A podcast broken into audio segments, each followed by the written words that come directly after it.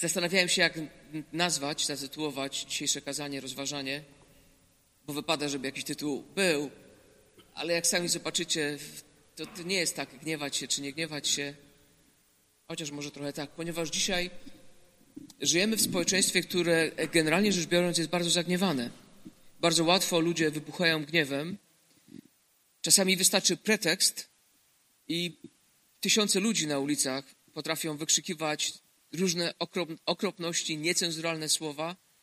Czasami w ogóle z, złapani nawet manipulacją, ale nie o to chodzi. Chodzi o to, że, że w ludziach jest tyle gniewu, jest tyle złości, jest tyle poczucia, że nie jest tak, jak ja bym chciał, że wystarczy iskra i wybucha. Ale my, jako ludzie e, wierzący, wcale nie jesteśmy uodpornieni na to, żeby gniew nie brał góry nad naszymi emocjami i nad naszą kontrolą, samokontrolą. Nie jesteśmy zaimpregnowani. To nie jest tak, że w momencie, kiedy oddaliśmy swoje życie Bogu, jesteśmy jak ci stoicy, których nikt i nic nie wyprowadzi z równowagi. Więc trochę tak, gniewać się czy się nie gniewać, lub jak się gniewać, gdy się gniewamy. I chcę się dzisiaj przyjrzeć wspólnie z Wami pewnej historii zapisanej w dziejach apostolskich, jak tam też widzicie, zaznaczone w 23 rozdziale. I to jest takie miejsce dziejów apostolskich, kiedy apostoł Paweł zakończył swoje wyprawy misyjne, te, które mamy zapisane w dziejach apostolskich, i właściwie zaczyna się jego bardzo y, długa i kilkurozdziałowa podróż do Rzymu. Jest w Jerozolimie, bardzo chciał być w Jerozolimie na Dzień Pięćdziesiątnicy. Nie wiemy w sumie dlaczego, czy taka już była tradycja, czy dla niego to było osobiście ważne, żeby być akurat w Jerozolimie w, w ten dzień, kiedy y, Bóg wylał swojego Ducha Świętego na, na Kościół, spełniając proroctwo Joela. Każdym razie jest tam, idzie do świątyni, y, właściwie najpierw spotyka się z Jakubem, przywódcą Kościoła. Jakub mówi, słuchaj, Pawle, bardzo fajnie, ewangelista, apostoł, misjonarz, super, ale wiesz, mamy taki problem, bo my tu mamy wielu takich wierzących braci Żydów, którzy cały czas chodzą do, do świątyni, cały czas tak w tym prawie mojżeszowym, a, a słyszą co chwilę, że ty to taki wywrotowiec jesteś, że, że Mojżesza nie trzeba już słuchać, że prawo przeminęło, że to wszystko, cały Stary Testament, a, a to był jedyny testament, jaki w tym momencie mieli, już właściwie niektórzy mówią, że ty mówisz, że przeterminowany, to zróbmy coś takiego, że mamy tutaj takich braci, którzy zrobili ślubowanie, ty byś poszedł razem z nimi do świątyni, e, złożył tam za nich to, co trzeba złożyć, e, za zakończenie ich ślubów na oczyszczenie. I wtedy wszyscy bracia w kościele zobaczą, że ty, ty to jesteś taki prawowierny brat, że tam z tymi poganami to okej, okay, ale jak jesteś u nas, to... No i wtedy właśnie został złapany, e, oskarżony mm, niesłusznie, Musieli go ratować Rzymianie, ponieważ jego rodacy by go zatłukli na śmierć, o czym bardzo wyraźnie aposto- e, Łukasz, ewangelista i autor dzieł apostolskich pisze, że, że chcieli go zatłuc, po prostu zatłuc go. Ale Rzymianie nie bardzo wiedzieli, o co chodzi, więc wpadli na rozsądny pomysł, żeby apostoła Pawła postawić przed Radą Żydowską żeby zrobili przesłuchanie, no i żeby wyszło, o co chodzi. Tym bardziej, że jak pamiętacie też w tym fragmencie, który poprzedza 23 rozdział, apostoł Paweł prosi, czy mógłby przemówić do ludzi, ale przemawia po hebrajsku. Z kilku powodów. Raz, żeby wyrazić szacunek do Starego Testamentu. Dwa, język hebrajski nie był językiem popularnym, takim mówionym. Ludzie znali, niektórzy bardzo słabo, więc żeby zrozumieć, co on mówi, wszyscy musieli się skupić. Więc zaległa cisza, bo chcieli usłyszeć, co on tam mówi. No ale Rzymianie nic nie, usłyszeli, nie zrozumieli z tego. W związku z tym chcieli go biczować, żeby czegoś się dowiedzieć. Nie mogli, bo Paweł powiedział, że jest obywatelem rzymskim. I po takim wstępie, odświeżeniu, myślę, dzieł apostolskich, mamy właśnie y, nasz fragment. Pięć wersetów z 23 rozdziału. Rozpoczęło się przesłuchanie i czytamy tak. Paweł spojrzał śmiało na Sanhedryn i przemówił. Bracia, aż do dnia dzisiejszego służyłem Bogu zupełnie spokojnym sumieniem. Arcykapłan Ananiasz kazał tym, co przy nim stali, uderzyć go w twarz. Wtedy Paweł powiedział do niego, uderzy cię Bóg ściano pobielana. Zasiadłeś, aby mnie sądzić według prawa, a każesz mnie bić wbrew prawu? Ci, którzy stali przy nim, powiedzieli, arcykapłana Bożego znieważasz? Paweł odpowiedział, nie wiedziałem, bracia, że to arcykapłan. Jest bowiem napisane, o przełożonym twojego ludu nie będziesz źle mówił. I jakkolwiek dla nas może brzmieć, uderzy cię Bóg ściano pobielana, jako może takie zawołanie, to to był, to był wybuch gniewu apostoła Pawła. Gdyby to było bardziej uwspółcześnione, to powiedzielibyśmy, że Paweł krzyknął Orzesz ty, ściano pobielana, niech cię Bóg uderzy! Jak śmiesz! Ale za chwilę się mitynguje, reflektuje i mamy to, co mamy. Pytanie jest pierwsze takie, przepraszam jeszcze za chwilkę. Dlaczego Ananiasz kazał uderzyć Pawła? Zastanawialiście kiedyś? Paweł mówi, do dnia dzisiejszego służyłem Bogu ze spokojnym sumieniem, w innych tłumaczeniach mamy z czystym sumieniem, na co arcykapłan mówi, w gębę mu.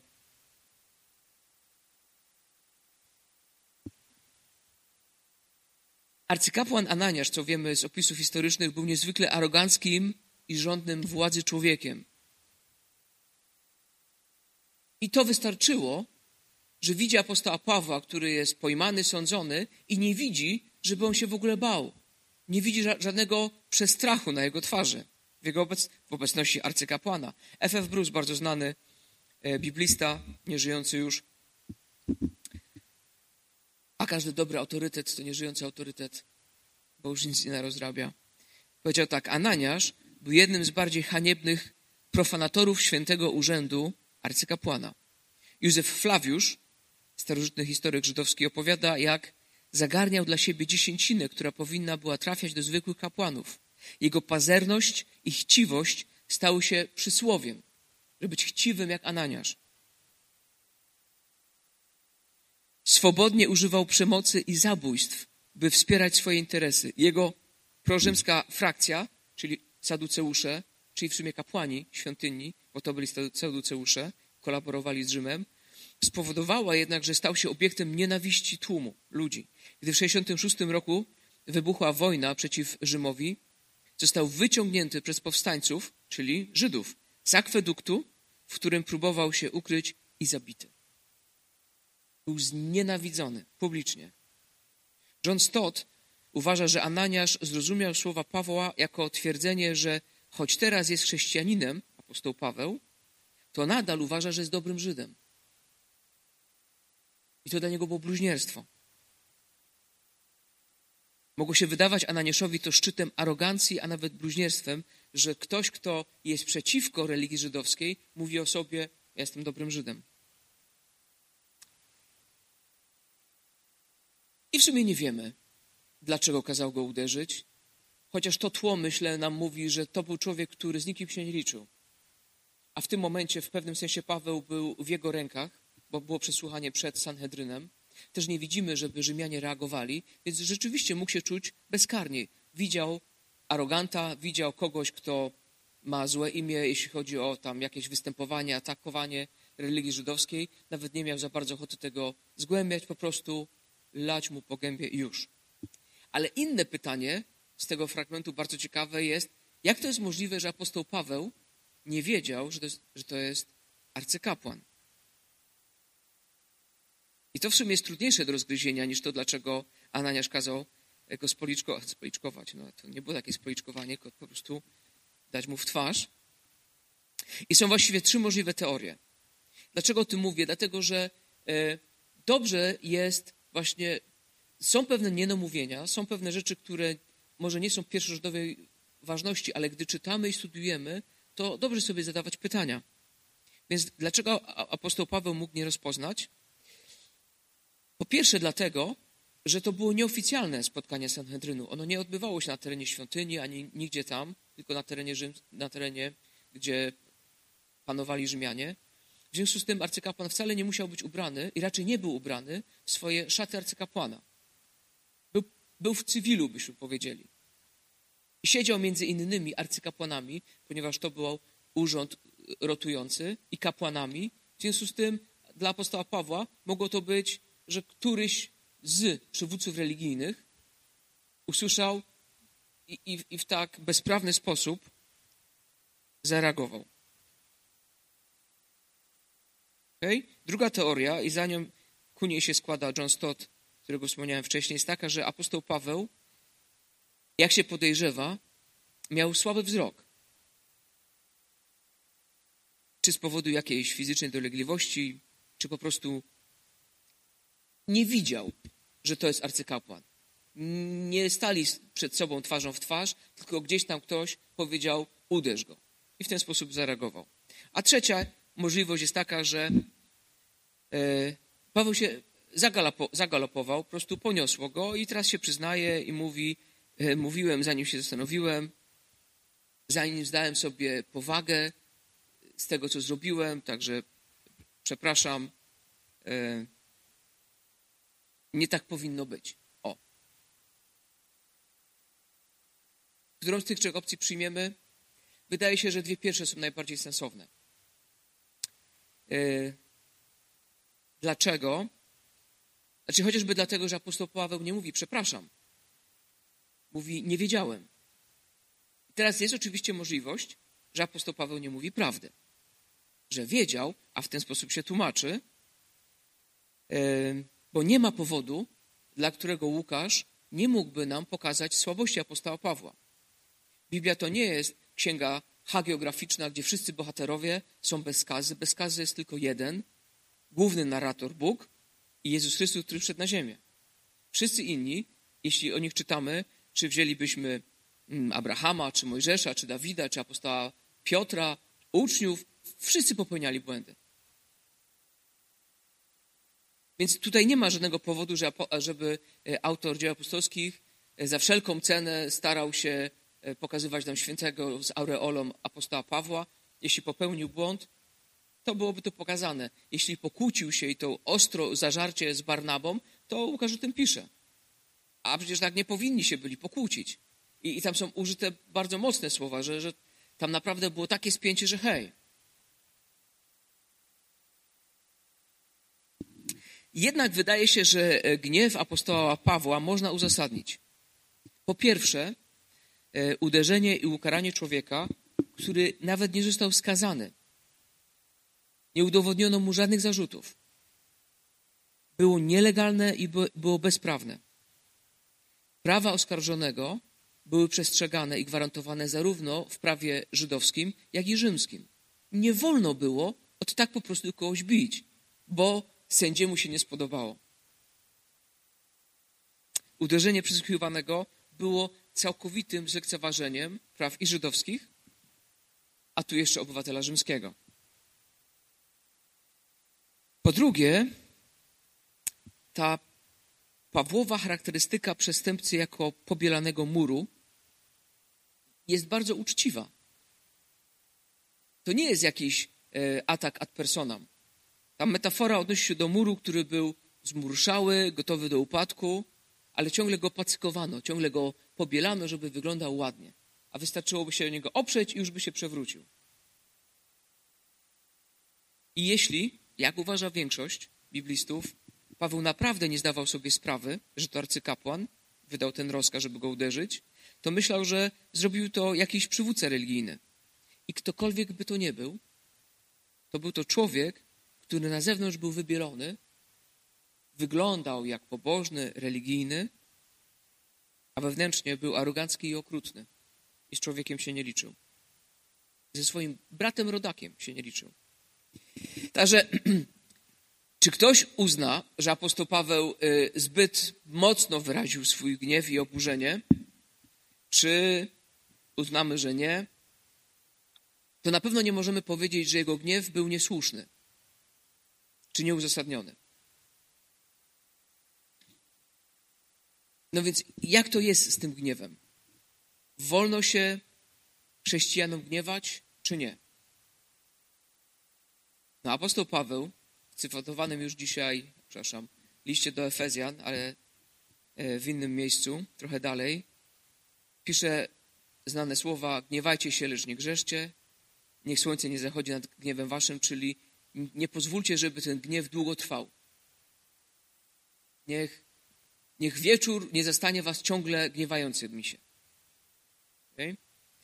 E, niektóre tłumaczenia jeszcze tłumaczą ten, ten werset tak bardziej, w sposób bardziej rozbudowany.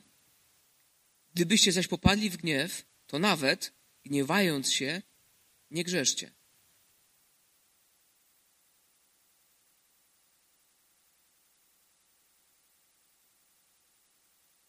W związku z czym y, ważne jest zauważyć, że apostoł Paweł nie, nie pisze, nie napisał, nie gniewajcie się, bo zgrzeszycie, tylko gniewajcie się, ale tak, żeby nie zgrzeszyć, czy nie grzeszyć. Bo są chrześcijanie, być może takich znacie, być może sami macie taką opinię, e, którzy uważają, że gniew sam w sobie jest grzeszny. No i tutaj oczywiście mamy Boga, który się gniewa. W liście do Rzymian w pierwszym rozdziale, 18 wersecie czytamy, że jego gniew cały czas objawia się przeciwko wszelkiej bezbożności. Bóg jest ciągle zagniewany wobec grzechu, grzesznych uczynków, grzeszących ludzi na tej ziemi. Pan Jezus się gniewał, czy na faryzeuszy, czy na tych, którzy w świątyni, e, w sumie to był taki kantor wymiany walut, żeby ci, którzy przyjeżdżali, przychodzili z, z dalekich krajów, mieli inną walutę, mogli na miejscu kupić tego baranka, czego też nie wolno było robić za lokalną walutę i powywracał te stoły. I tam tu się bardzo zagniewał.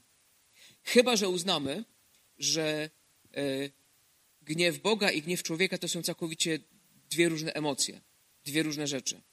Tylko, że to nie ma żadnego odzwierciedlenia w tekście biblijnym. Co więcej, jeśli byśmy poszukali definicji, czym jest gniew w różnego rodzaju słownikach, to okaże się, że poza tym, że to silna emocja i tak dalej, że czymś inny, gniew jest czymś innym niż złość, to wszystkie mają wspólne to, że gniew człowieka jest z natury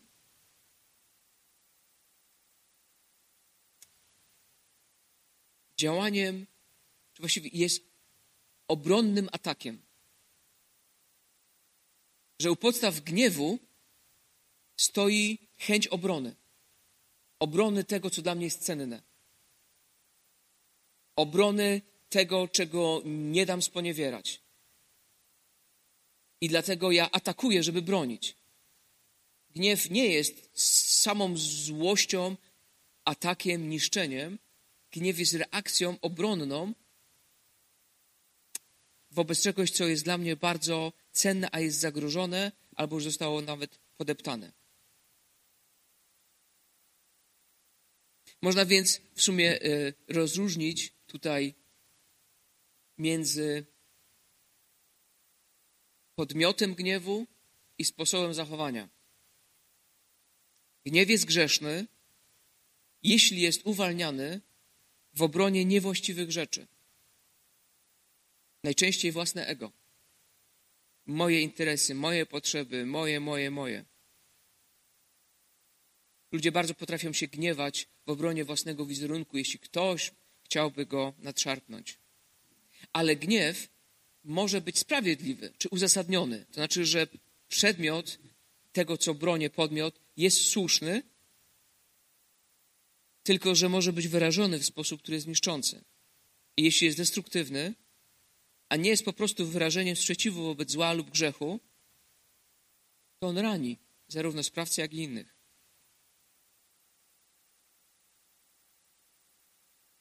Gniew powinien być, powinien dotyczyć rzeczy usprawiedliwionych, słusznych i powinien być wyrażony w sposób konstruktywny, co wcale nie oznacza, że wypowiedzi w gniewie nie mogą być ostre, dosadne i głośne. Jaka jest lekcja płynąca z tego, z tej analizy i też z tego myślę sobie, że jak słuchacie, czytaliśmy ten fragment i słuchacie tego, co mówię, to dokonujemy też samą analizy i tych momentów, kiedy nas y, ponosiły emocje. Bo lekcja z tego płynąca jest następująca. Gdy dopada nas gniew, powinniśmy pamiętać o dwóch rzeczach. czy powód naszego zagniewania jest właściwy. I właściwie w momencie, kiedy dopada nas gniew, to jest najlepszy moment, żeby zadać sobie pytanie, czy aby to nie jest mój mały Bóg.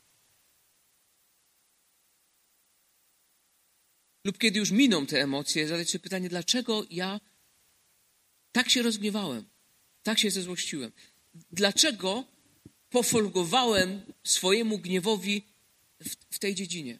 Czy rzeczywiście jest to coś również ważnego dla Boga, że Bóg się gniewa? Czy jest to coś ważnego dla mnie? I to tak naprawdę jest mój mały Bóg. I ja stanąłem w obronie mojego Boga. Bo niestety nasz gniew bardzo często jest związany z naszym ego, z naszym poczuciem wartości, z naszymi osiągnięciami, z naszym, moim, dla mnie. Wcale nie jest, wcale podmiot tego gniewu nie jest usprawiedliwiony.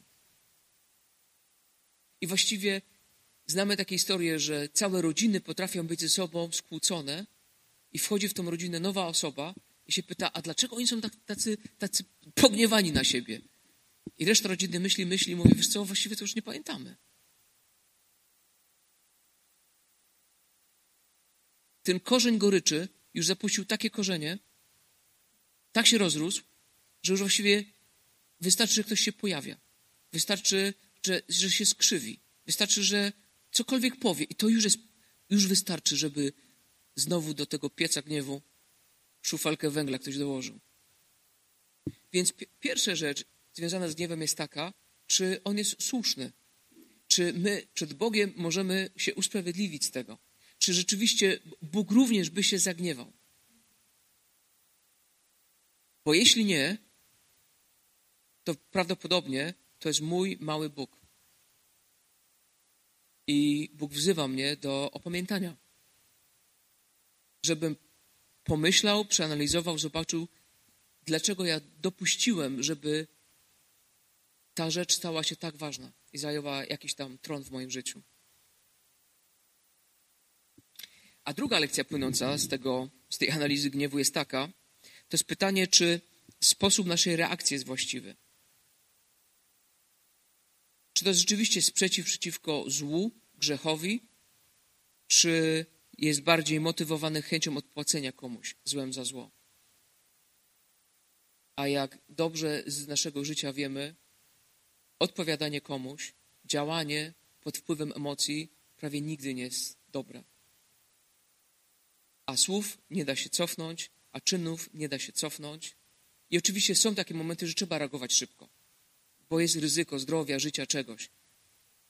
Najczęściej lepiej jest nie reagować szybko, wtedy, kiedy wezbrał gniew. Kiedy nie jesteśmy trzeźwo w stanie ocenić, czy to jest słuszny gniew, czy niesłuszny gniew. A skupić się tylko na tym, żeby dać upust, żeby się wyładować, żeby się poczuć przez chwilę lepiej.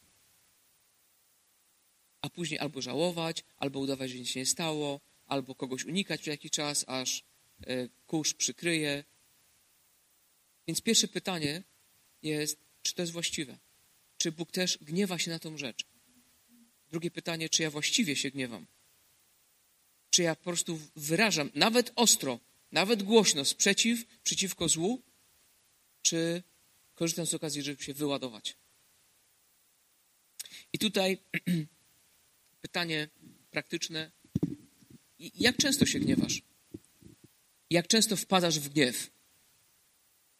Czy jesteś znany wśród swoich bliskich znajomych, że, że jesteś osobą, którą można rozgniewać i to nawet może wiedzą czym.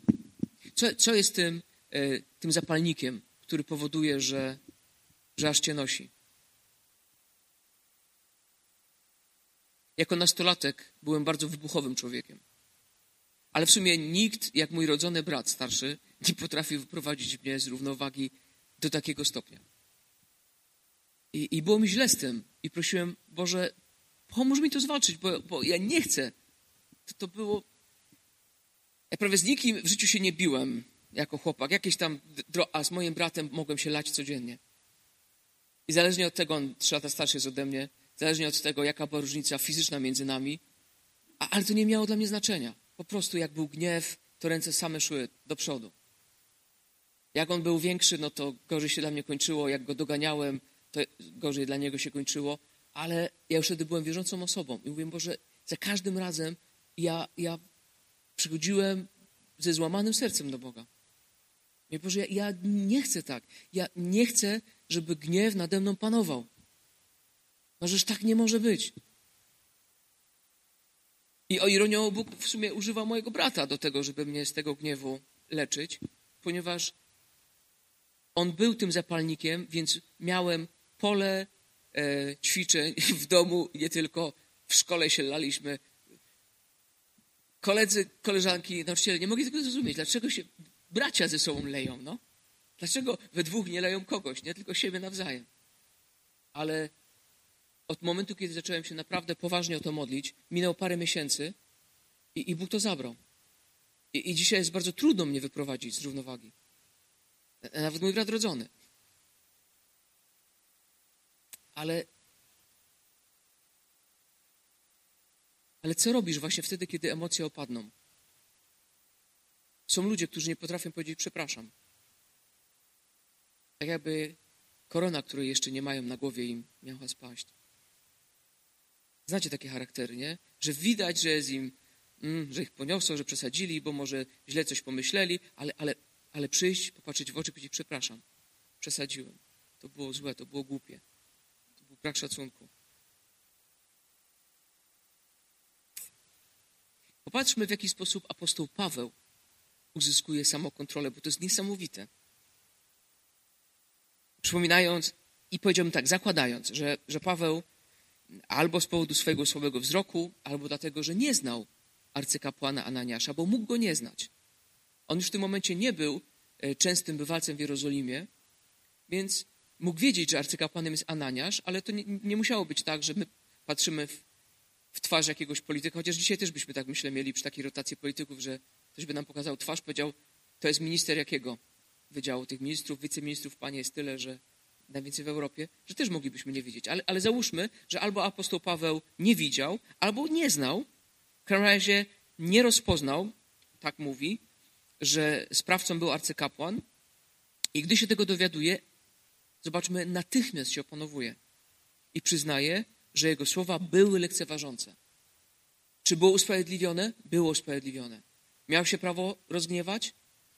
Miał się prawo rozgniewać, ale sposób, jak się odezwał, był niewłaściwy. Dlaczego? Dlatego, że w Księdze Wyjścia w 22 rozdziale Bóg powiedział, że nie wolno mówić źle o przywódcach Izraela, nie wolno o nich mówić pogardliwym tonem. Dla mnie to mistrzowskie opanowanie emocji przez apostoła Pawła jest, jest fenomenalne. W tak naładowanej emocjami sytuacji. Tu go złapali, tu go chcieli zatłuc, jego rodacy, tu go Rzymianie chcieli biczować, tu był w więzieniu, tu stoi, tu go uderzyli. On tak dobrze zna Pismo Święte, że to automatycznie przychodzi mu na myśl. W ten sposób uzyskuje kontrolę, używa Słowa Bożego i nie kieruje go do kogoś. Znaczy w pierwszej chwili e, mógł skierować, ale w momencie refleksji kieruje je do swojego serca. I znalazłem taki bardzo ciekawy komentarz Johna Sandersona z książki Owoc Ducha. Myślę, że widzicie. To, co imponuje nam w Pawle, to natychmiastowe podporządkowanie się Bożemu prawu, gdy tylko uświadomiono mu, że człowiek, który bezprawnie kazał go uderzyć z arcykapłanem, w obliczu wszystkich nacisków, jakie na niego spłynęły, groźby linczu ze strony tłumu, poczucie, że nie będzie miał sprawiedliwego procesu, niesprawiedliwość tego rozkazu, by go uderzyć. Paweł miał na tyle przytomności umysłu, by przypomnieć sobie polecenie z Księgi Wyjścia, a jak powiedział Pan Jezus, moje owce słuchają mojego głosu. Ja je znam, a one idą za mną. Z Jana 10, 27. I gdy tylko Paweł usłyszał ten głos, jego emocje, jego wzburzenie zostało wezwane do posłuszeństwa.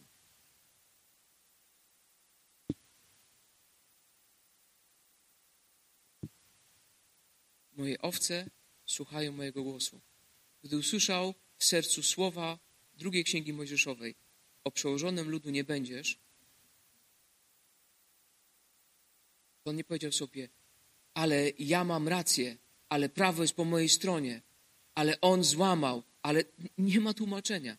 Jest po prostu, pasterz mówi, słuchaj mojego głosu. I emocje od razu gasną. I mimo, że miał rację, miał słuszność, mówi, nie wiedziałem. Nie wiedziałem, a słowo mówi, nie będziesz. I nie mówi, okej, okay, mogłeś mnie uderzyć. Nie, nie, nie. Słyszy głos swojego pasterza. Dla mnie to jest fenomenalne. Z jednej strony mieć serce tak nasycone Bożym Słowem, żeby gdy trzeba, Duch Święty je wzbudzał i żebyśmy je słyszeli. Ale drugie, gdy je słyszymy, żebyśmy usłyszeli głos naszego pasterza i poszli za nim. Na zakończenie pozwólcie, że przywołam podobną sytuację, która również wydarzyła się w Jerozolimie i również w obecności arcykapłana ktoś został uderzony w twarz. Pamiętacie jakie? Ewangelia Jana, 18 rozdział. W tym czasie arcykapłan zapytał Jezusa o jego uczniów i jego naukę. Jezus mu odpowiedział: Otwarcie mówiłem światu. Zawsze nauczałem w synagodze i w świątyni, gdzie gromadzą się wszyscy Żydzi. Potajemnie niczego nie mówiłem. Dlaczego mnie pytasz? Zapytaj tych, którzy słuchali, co mówiłem. Oni wiedzą, co powiedziałem. Gdy to oznajmił, jeden ze stojących obok strażników spoliczkował Jezusa i powiedział: Tak odpowiadasz arcykapłanowi? Jezus mu odpowiedział: Jeśli źle powiedziałem, udowodnij to. A jeśli dobrze, to dlaczego mnie bijesz? Wówczas Ananiasz wysłał go związanego do arcykapłana Kajfasza. Sytuacja podobna, hmm, reakcja inna. I to nawet nie wobec samego arcykapłana, ale wobec strażnika. Tu nie ma gniewu. Tu jest wytknięcie łamania prawa. Dlaczego to robisz? W obliczu wszystkich nacisków, jakie na niego spłynęły, groźby okrutnej śmierci, która była przed nim, odrzucenie ze strony ludzi, porzucenie przez uczniów, świadomości, że nie będzie miał sprawiedliwego procesu. Ta niesprawiedliwość uderzenia w twarz nie wyprowadziła Pana Jezusa z równowagi. Idąc na krzyż, wchodząc w sam środek okrutnych cierpień fizycznych, emocjonalnych i duchowych, a tych duchowych tak naprawdę nie jesteśmy w stanie zrozumieć. Pan Jezus jest opanowany i skupiony. Na czym? Na naszym zbawieniu. Bo On jest pasterzem, który oddaje swoje życie za swoje owce. Pamiętamy z ogrodu Getsemane, gdy Pan Jezus modli się, rozmawia z Ojcem, gdy mówi, niech Twoja wola się dzieje, to On nie mówi, ale zróbmy to szybko i możliwie najbardziej bezboleśnie jak można. Poddaje się woli Ojca, wie, że idzie na kaźń fizyczną, emocjonalną, duchową. Paweł był w stanie używać Pisma Świętego, aby usłyszeć głos swojego mistrza, swojego pasterza. My też potrzebujemy. Po to, żeby weryfikować nasze życie, nasze decyzje, nasze emocje. Kim jesteśmy tak naprawdę? Żyjemy w świecie bardzo egocentrycznym, ekstremalnie antropocentryczny, człowiek w środku. Tylko człowiek się liczy. Właściwie tylko ja się liczę. W świecie materializmu, pogoni za przyjemnością, potrzebujemy nasycać nasze serca Bożym Słowem, żeby odzywało się w nas, gdy go potrzebujemy. Potrzebujemy ciągle i na nowo uczyć się słuchać głosu naszego pasterza.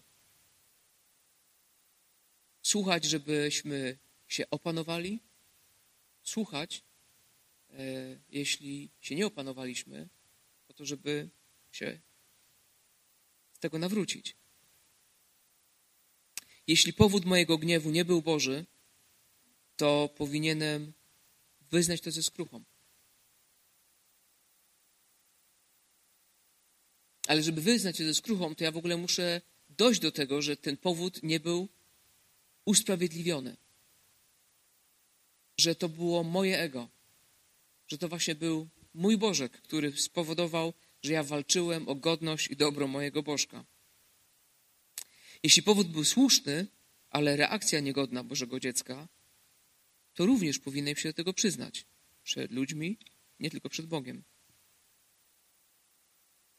Ten świat jest zły i nie mamy być wobec tego obojętni. Niestety, im więcej zła, tym łatwiej nam przychodzi obojętność. Jeśli kiedyś takie zło wydarzało się raz, wszyscy byli poruszeni. Kiedy to jest norma w świecie, to również my, jako wierzący ludzie, po prostu przywykamy do tego.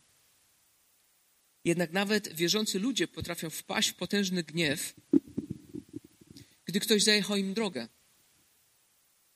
Gdy ktoś na bezczela zaparkował na miejscu, na którym oni właśnie mieli parkować, albo coś takiego zrobił. A jednocześnie przejść obojętnie wobec tysięcy dzieci, które są mordowane przed swoim narodzeniem w naszym kraju.